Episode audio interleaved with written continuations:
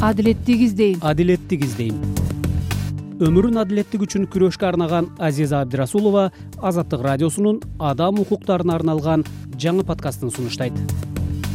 Укугу бузулган чындык издеген жарандарга микрофон сунабыз. Алар туш болгон жагдайды ачып көйгөйдү чечүү жолдорун чогуу издейбиз. Чогуу издейбиз. Адилеттик издейм подкастын apple google spotify аянтчаларынан жана азаттык чекит орг сайтынан угуңуз адилеттик издейм подкастын. Мен укук коргоочу азиза абдырасулова алып барамын. Саламатсыздарбы?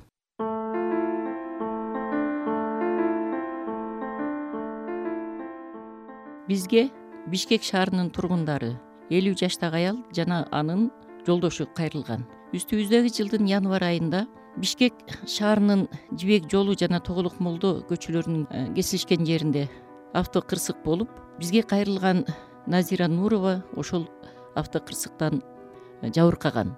Бул окуя болгон жер жөө адам өтө турган жерде болгон. Баарынан өкүнүчтүүсү назира айым э, ошол окуядан кийин экинчи группадагы майып болуп оорукчан болуп калган. Жабырлануучулардын айтуусунда автокырсык болгондон кийин назираны дароо эле ооруканага алып кетишип баарыңарга белгилүү автокырсыктан же кандайдыр бир кырсыктан адам жабыркаганда медиктер э, тиешелүү органдарга маалымат берет. Бул окуя боюнча маалымат берилгенин же берилбегенин жабырлануучулар билбейт. Анткени ошол кырсыктын себепкери болгон э, айдоочу өзү медик өзү оорукананын кызматкери болгон экен. Эч кандай жабырлануучулардын айтуусуна караганда эч кандай иликтөө иштери тергөө иштери жүргүзүлгөн эмес.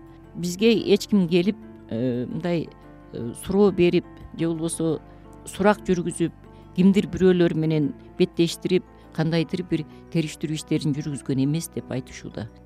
Бүгүн биз ошол кырсыктан жабыр тарткан назира нурова айым жана анын жолдошу бакытбек жунушовдун арыз арманын уктук.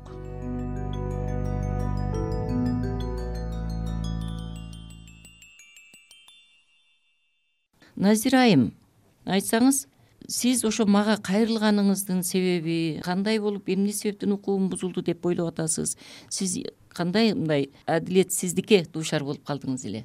Мен ушул эки миң жыйырма үчүнчү жылдын бешинчи январында машина сүзүп кеткен машина каерде болду эле окуя жибек жолу тоголок молдодо машина сүзгөндөн кийин эчтекени билбеймин. Эчтеке эсимде жок да. Больницада мен бир убакта эсиме келсем бүт тууган уругум неме балдарым жолдошторум жанымда экен. Ага чейинки болгон эчтекени билбеймин ошондо жибек жолу тоголок молдодо кандай эле мындай эле жолду кесип өтүп бараттыңыз беле? Кандай жерде? Светофор менен мен эч качан жолду мындай басып өтпөймүн постоянно жол эрежесин сактап жүрөмүн. Бактыбек мырза ошол күнү кандай окуя сиз кимден уктуңуз ушул кырсыкты? Сиз эмне айта аласыз ошол күнкү окуя боюнча?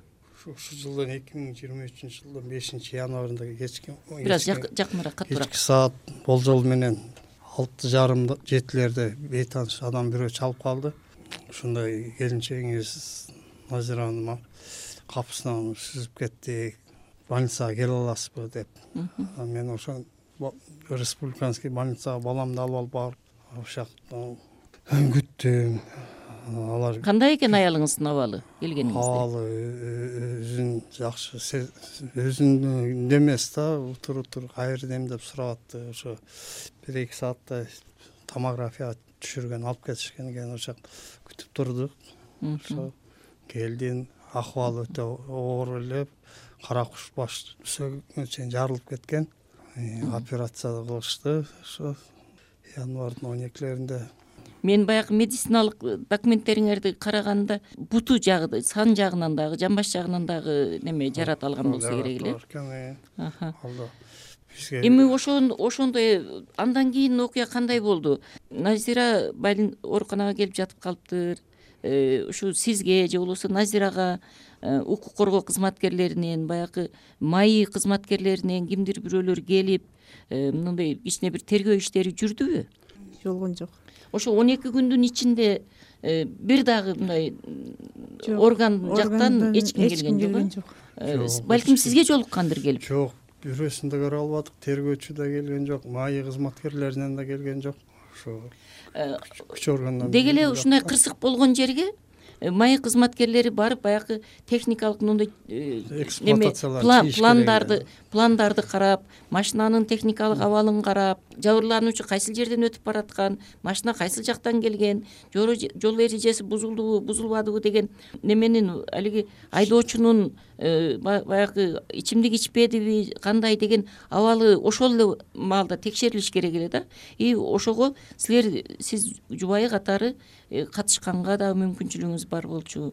Эмне ошолордун баары андай жасалбадыбы нерсе болгон жок. Баягы майиден келип чийип өлчөп немелерин тактабай турган немелер көрсөтүлгөн жок. Ал сүзгөн адам алып эле машинага салып алып кетип калган. Күтпөстөн неме Нази- назира өзүң үй бүлөң жөнүндө айтчы. Өзүң бала чакаң барбы үй бүлөң жөнүндө ошо менин беш балам бар балдарым жаш. Э, жашы канча жашта? Эң кичине балам тогуз жашта. Төрт балам мектепте окуйт. Ошондо азыр мындай э, авариядан кийин өзүм басканым да кыйындап калды. Аябай кыймыл аракетим жай өзүм сүйлөгөн кээде унутуп калам. Көзүм жакшы көрбөй калды. Басканым аябай начар бирөө сүйрөп жетелеп жүрбөсө өзүм баса албаймын жыгылып каламын. Мага ошо авариядан кийин оор эле болуп атат балдарым карай албай калышат мен да эки миңинчи жылдан бери ошо эки бөйрөгүмөн жабыркап келем кургап калган. Диагнозу гломерулонефрит бешинчи стадия. Эки бөйрөк жасалма бөйрөк менен ошо гемодиализ аппаратында күн алыс барып турган эмемин. Ошондо муктаж бар. Менде Бири- биринчи топтогу биринчи майыпмын топтогу майып Э, келинчегим да мына экинчиге чыгып калды. Ага чейин өзүнүн ташматовдун башында ушундай бизде ал ташматов деген ким сүзүп кеткен бала сүзүп кеткен адам белгилүү э? Ол өзү бикарт жеке клиникада врач экен анан ошо врач деп ошону сыйлап ишендик элек жардам берем каралашам деп анан кийин кайрылдык неме көпүнчө алыстап немеси жардам эми кичине болсо да жардам бердиби бул жигит? Дары дармекке анан баягы беш он миңден берди ошо анан келинчегим азманда анан балдар окууга кирип атканда биз сурадык элек хотя бир балабыздын кийим кечегин көтөрүп бере аласың десек акча жок деп ошондой эметип койду. Жакында келинчегим дагы майыптыкка чыкты. Бир жылда үч жолу доктурга жатты жакшы боло албады. Башынан машина өтө оор эле запкы жеп калды чоң машина ургандан а машина чоң кандай машина эле? хаммер деп айтып атат. Гаиге чейин бардым бирок ошо машина хаммер дейт а мен эметкен жокмун да толук киреше албадым. Келинчегим учту эле? Анан өзүн алып келем этейин деп мындай күттүк күттүк болбоду акыры ошо ошондо канча э, назира канча укук ооруканада коргоочуларга кайрылдык канча убакыт ооруканада жаттың? Биринчи жолу сүзгөндө он эки күн жаттым. Нейротравматологияда андан андан кийин неме направление беришти неврологияга жат деп. Анда очередь аябай алыс болгондон түркүндөрүм келип алып кетишип ошол жакта дарыланып келдим оштон. Оштон ошондо алты айда үч жолу жаттым алты айдын больницага ичинде үч жолу ооруканада жаттың э? эми мына күндөн күнгө начарлап атам да. Бүгүнкү күндө мына жолдошуң э, биринчи группа майыптыгы бар дейт Э, эми пособие алат да пособияда да э, же пен- пенсия болуп калды. Сен али пенсия ала элексиң да. Эми э, чыктың да э. Ооба эми чыктым Бир- ала э- элекмин. экинчи группа майыпка экинчи группада майыптык берди. берди бирок али акча алып тапшырып өтө элек элек. азырынча. Кантип жашап атасыңар? Беш балаңар менен. Тууган уруктардан ар кимден эле карыздап алабыз дүкөндөрдөн деле алабыз дүкөндөрдө деле бар. Жазылып алган жерлер балдар төртө тең мектепке толук кандуу бар- бара алып атышабы же? Аракет кылып атабыз жөнөткөнгө барышат мектепке. Ал чоң балам дагы бөйрөгүнөн жабыркайт да ал эптеп ичсеп атат неме болуп атат? Аныкы тамак ашка жетпейт азыр айлыктар ал канча жашта чоң балам? Он тогуз жашта. он тогуз жашта. Ошо ошо бала иштеп багып атабы карап атабы? Ал ошо карап атат эки айдан бери. Ал дагы азыр чыдабай калды иштегенге уже бөйрөгүм ооруп атат деп ал баланы ооруканага көрсөтүп атасыңарбы? Ал көрсөткөнбүз ревматизм деп кайра дагы көрсөтүш керек. Убактысы келип калды да көрсөтө турган. Э, ушундай башыңардан ушундай оор окуялар болуптур прокуратурага же дагы бир жергиликтүү бийликтерге кайрыла алдыңарбы? Кайрылбадыңар. Эмне себептен кайрылбадыңар мүмкүнчүлүгүңөр болбодубу жок же силерге бирөө жол көрсөтүп бербедиби ошондо жакшы өзүбүздүн укуубузду билбестиктен болду. Анан бир чети кыргызчылык кылып мейли эми жардам берип калайлы деп ушуга чейин келдик айла кеткенде уже кичине кыйнала баштаганыбызда аны азыр эми эмнени кандай жардам мынакей э, мага кайрылдыңар э, жолугуп сүйлөштүк? Назиранын э, баягы медициналык карточкаларын документтерин баягы больницадан выпискаларын карап чыктым. Чындап эле оор жарат алган экен. Эми кандай жардам күтөсүңөр? Кандай жардам болсо дейсиңер силерге? Эми баягы мыйзам түрүндө кичине компенсация өндүрүп бере алсаңыздар ошо урматтуу угармандар мына кырсык болгон экен. Кырсык жок дегенде ооруканада катталды да. Ооруканада катталгандан кийин мыйзам ошону талап кылат ооруну кырсыкка кабылган адамды кабыл алган медиктер сөзсүз түрдө маи кызматкерлерине маалымат бергенге милдеттүү болчу. Ал эми маи кызматкерлеринин э, тергөөчүлөрү сөзсүз түрдө милдеттүү түрдө келип жабыркаганы менен да жолугуп жабыркаган тарап менен дагы жолугуп э, ошол эле э, кырсыкты жасаган жол кырсыгына күнөөлүү тарап менен дагы жолугуп сөзсүз түрдө бул жол эрежеси ким тарабынан бузулган кандай болуп бузулган ким күнөөлүү деген териштирүү иштери жүрүш керек болчу. Ошо териштирүү иштери жүргүзүлүп жыйынтыгы менен иш сотко өтүш керек эле да. Бакыт эгерде ушул иш сотко өткөндө да мындай териштирүү болгондо силер ошол баягы айдоочудан эмнени суранат элеңер? Эмнени ушул убакка чейин бул күйөөм биринчи группада инвалид болгондуктан балдарды мен бакчумун да. Почтада иштедим ушуга чейин. Анан почтада айлык аз болгондон үйдө надомница болуп иштей баштаганмын. Эми азыр вообще машинага отура албай калдым. Бизге мындай неме азыр эч кандай жактан жардам болбой калгандан компенсация төлөп берсе кичине ошону айтайын э, мындай ал жигитти камап койгула деген талапты койбой. Ошо бизге жардам берсе э, кетирилген материалдык чыгымдарды берсе анан могу моралдык жактан компенсация ден соолук жабыр тартканына байланыштуу компенсация сурамак экенсиңер да э? материалдык да моралдык да жактан компенсация төлөп берсе аны каматайлы деген оюбузда жок. Жардам берем деген кийин ошол бойдон бизди көрүп тамырыбыз тарткандан кийин уже жолобой деле калды сураган дарысын алып берди болгону эки жолу. Ошо.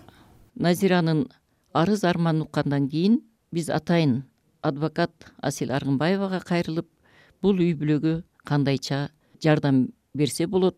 Жардам берүүнүн мыйзамдуу жолдорун сурадык. Адвокат асель аргынбаева айым бизге жабырланган үй бүлөгө мындайча кеңеш берди. Эгерде кылмыш э, кылган адамдын үстүнөн жабырлануучу тосмо арыз менен кайрылса тергөө органдары кыргыз республикасынын талаптарына ылайык кылмыш жеке ачык айыптоо категориясына кирсе процессуалдык мыйзамдын элүү жетинчи беренесинде каралган тартипти жабырлануучу айыпталуучу менен макулданууга жетишкенде кылмыш иши козголушу мүмкүн эмес ал эми козголгон иш кыскартылат деп айтылган.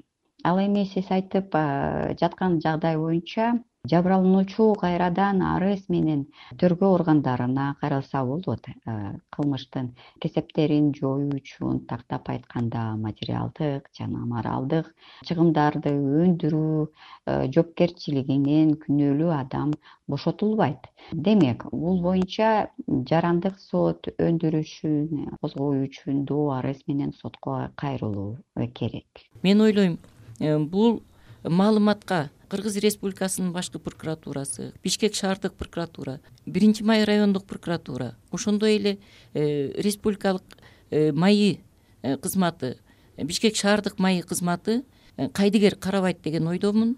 Силер адилеттик издем подкастын уктуңуздар. Силер менен подкастта мен укук коргоочу азиза абдрасулова болдум. Эгерде сиздин укугуңуз бузулса адилеттик издесеңиз ноль жети жүз жетимиш эки отуз алты алтымыш алты жыйырма үч телефон номерине кайрылсаңыздар болот. Ушул эле номерде whatsapp сигнал telegram номерлери бар. Ошондой эле facebookдагы менин жеке баракчама өзүңүздөрдүн суроолоруңуздар менен кайрылыңыздар.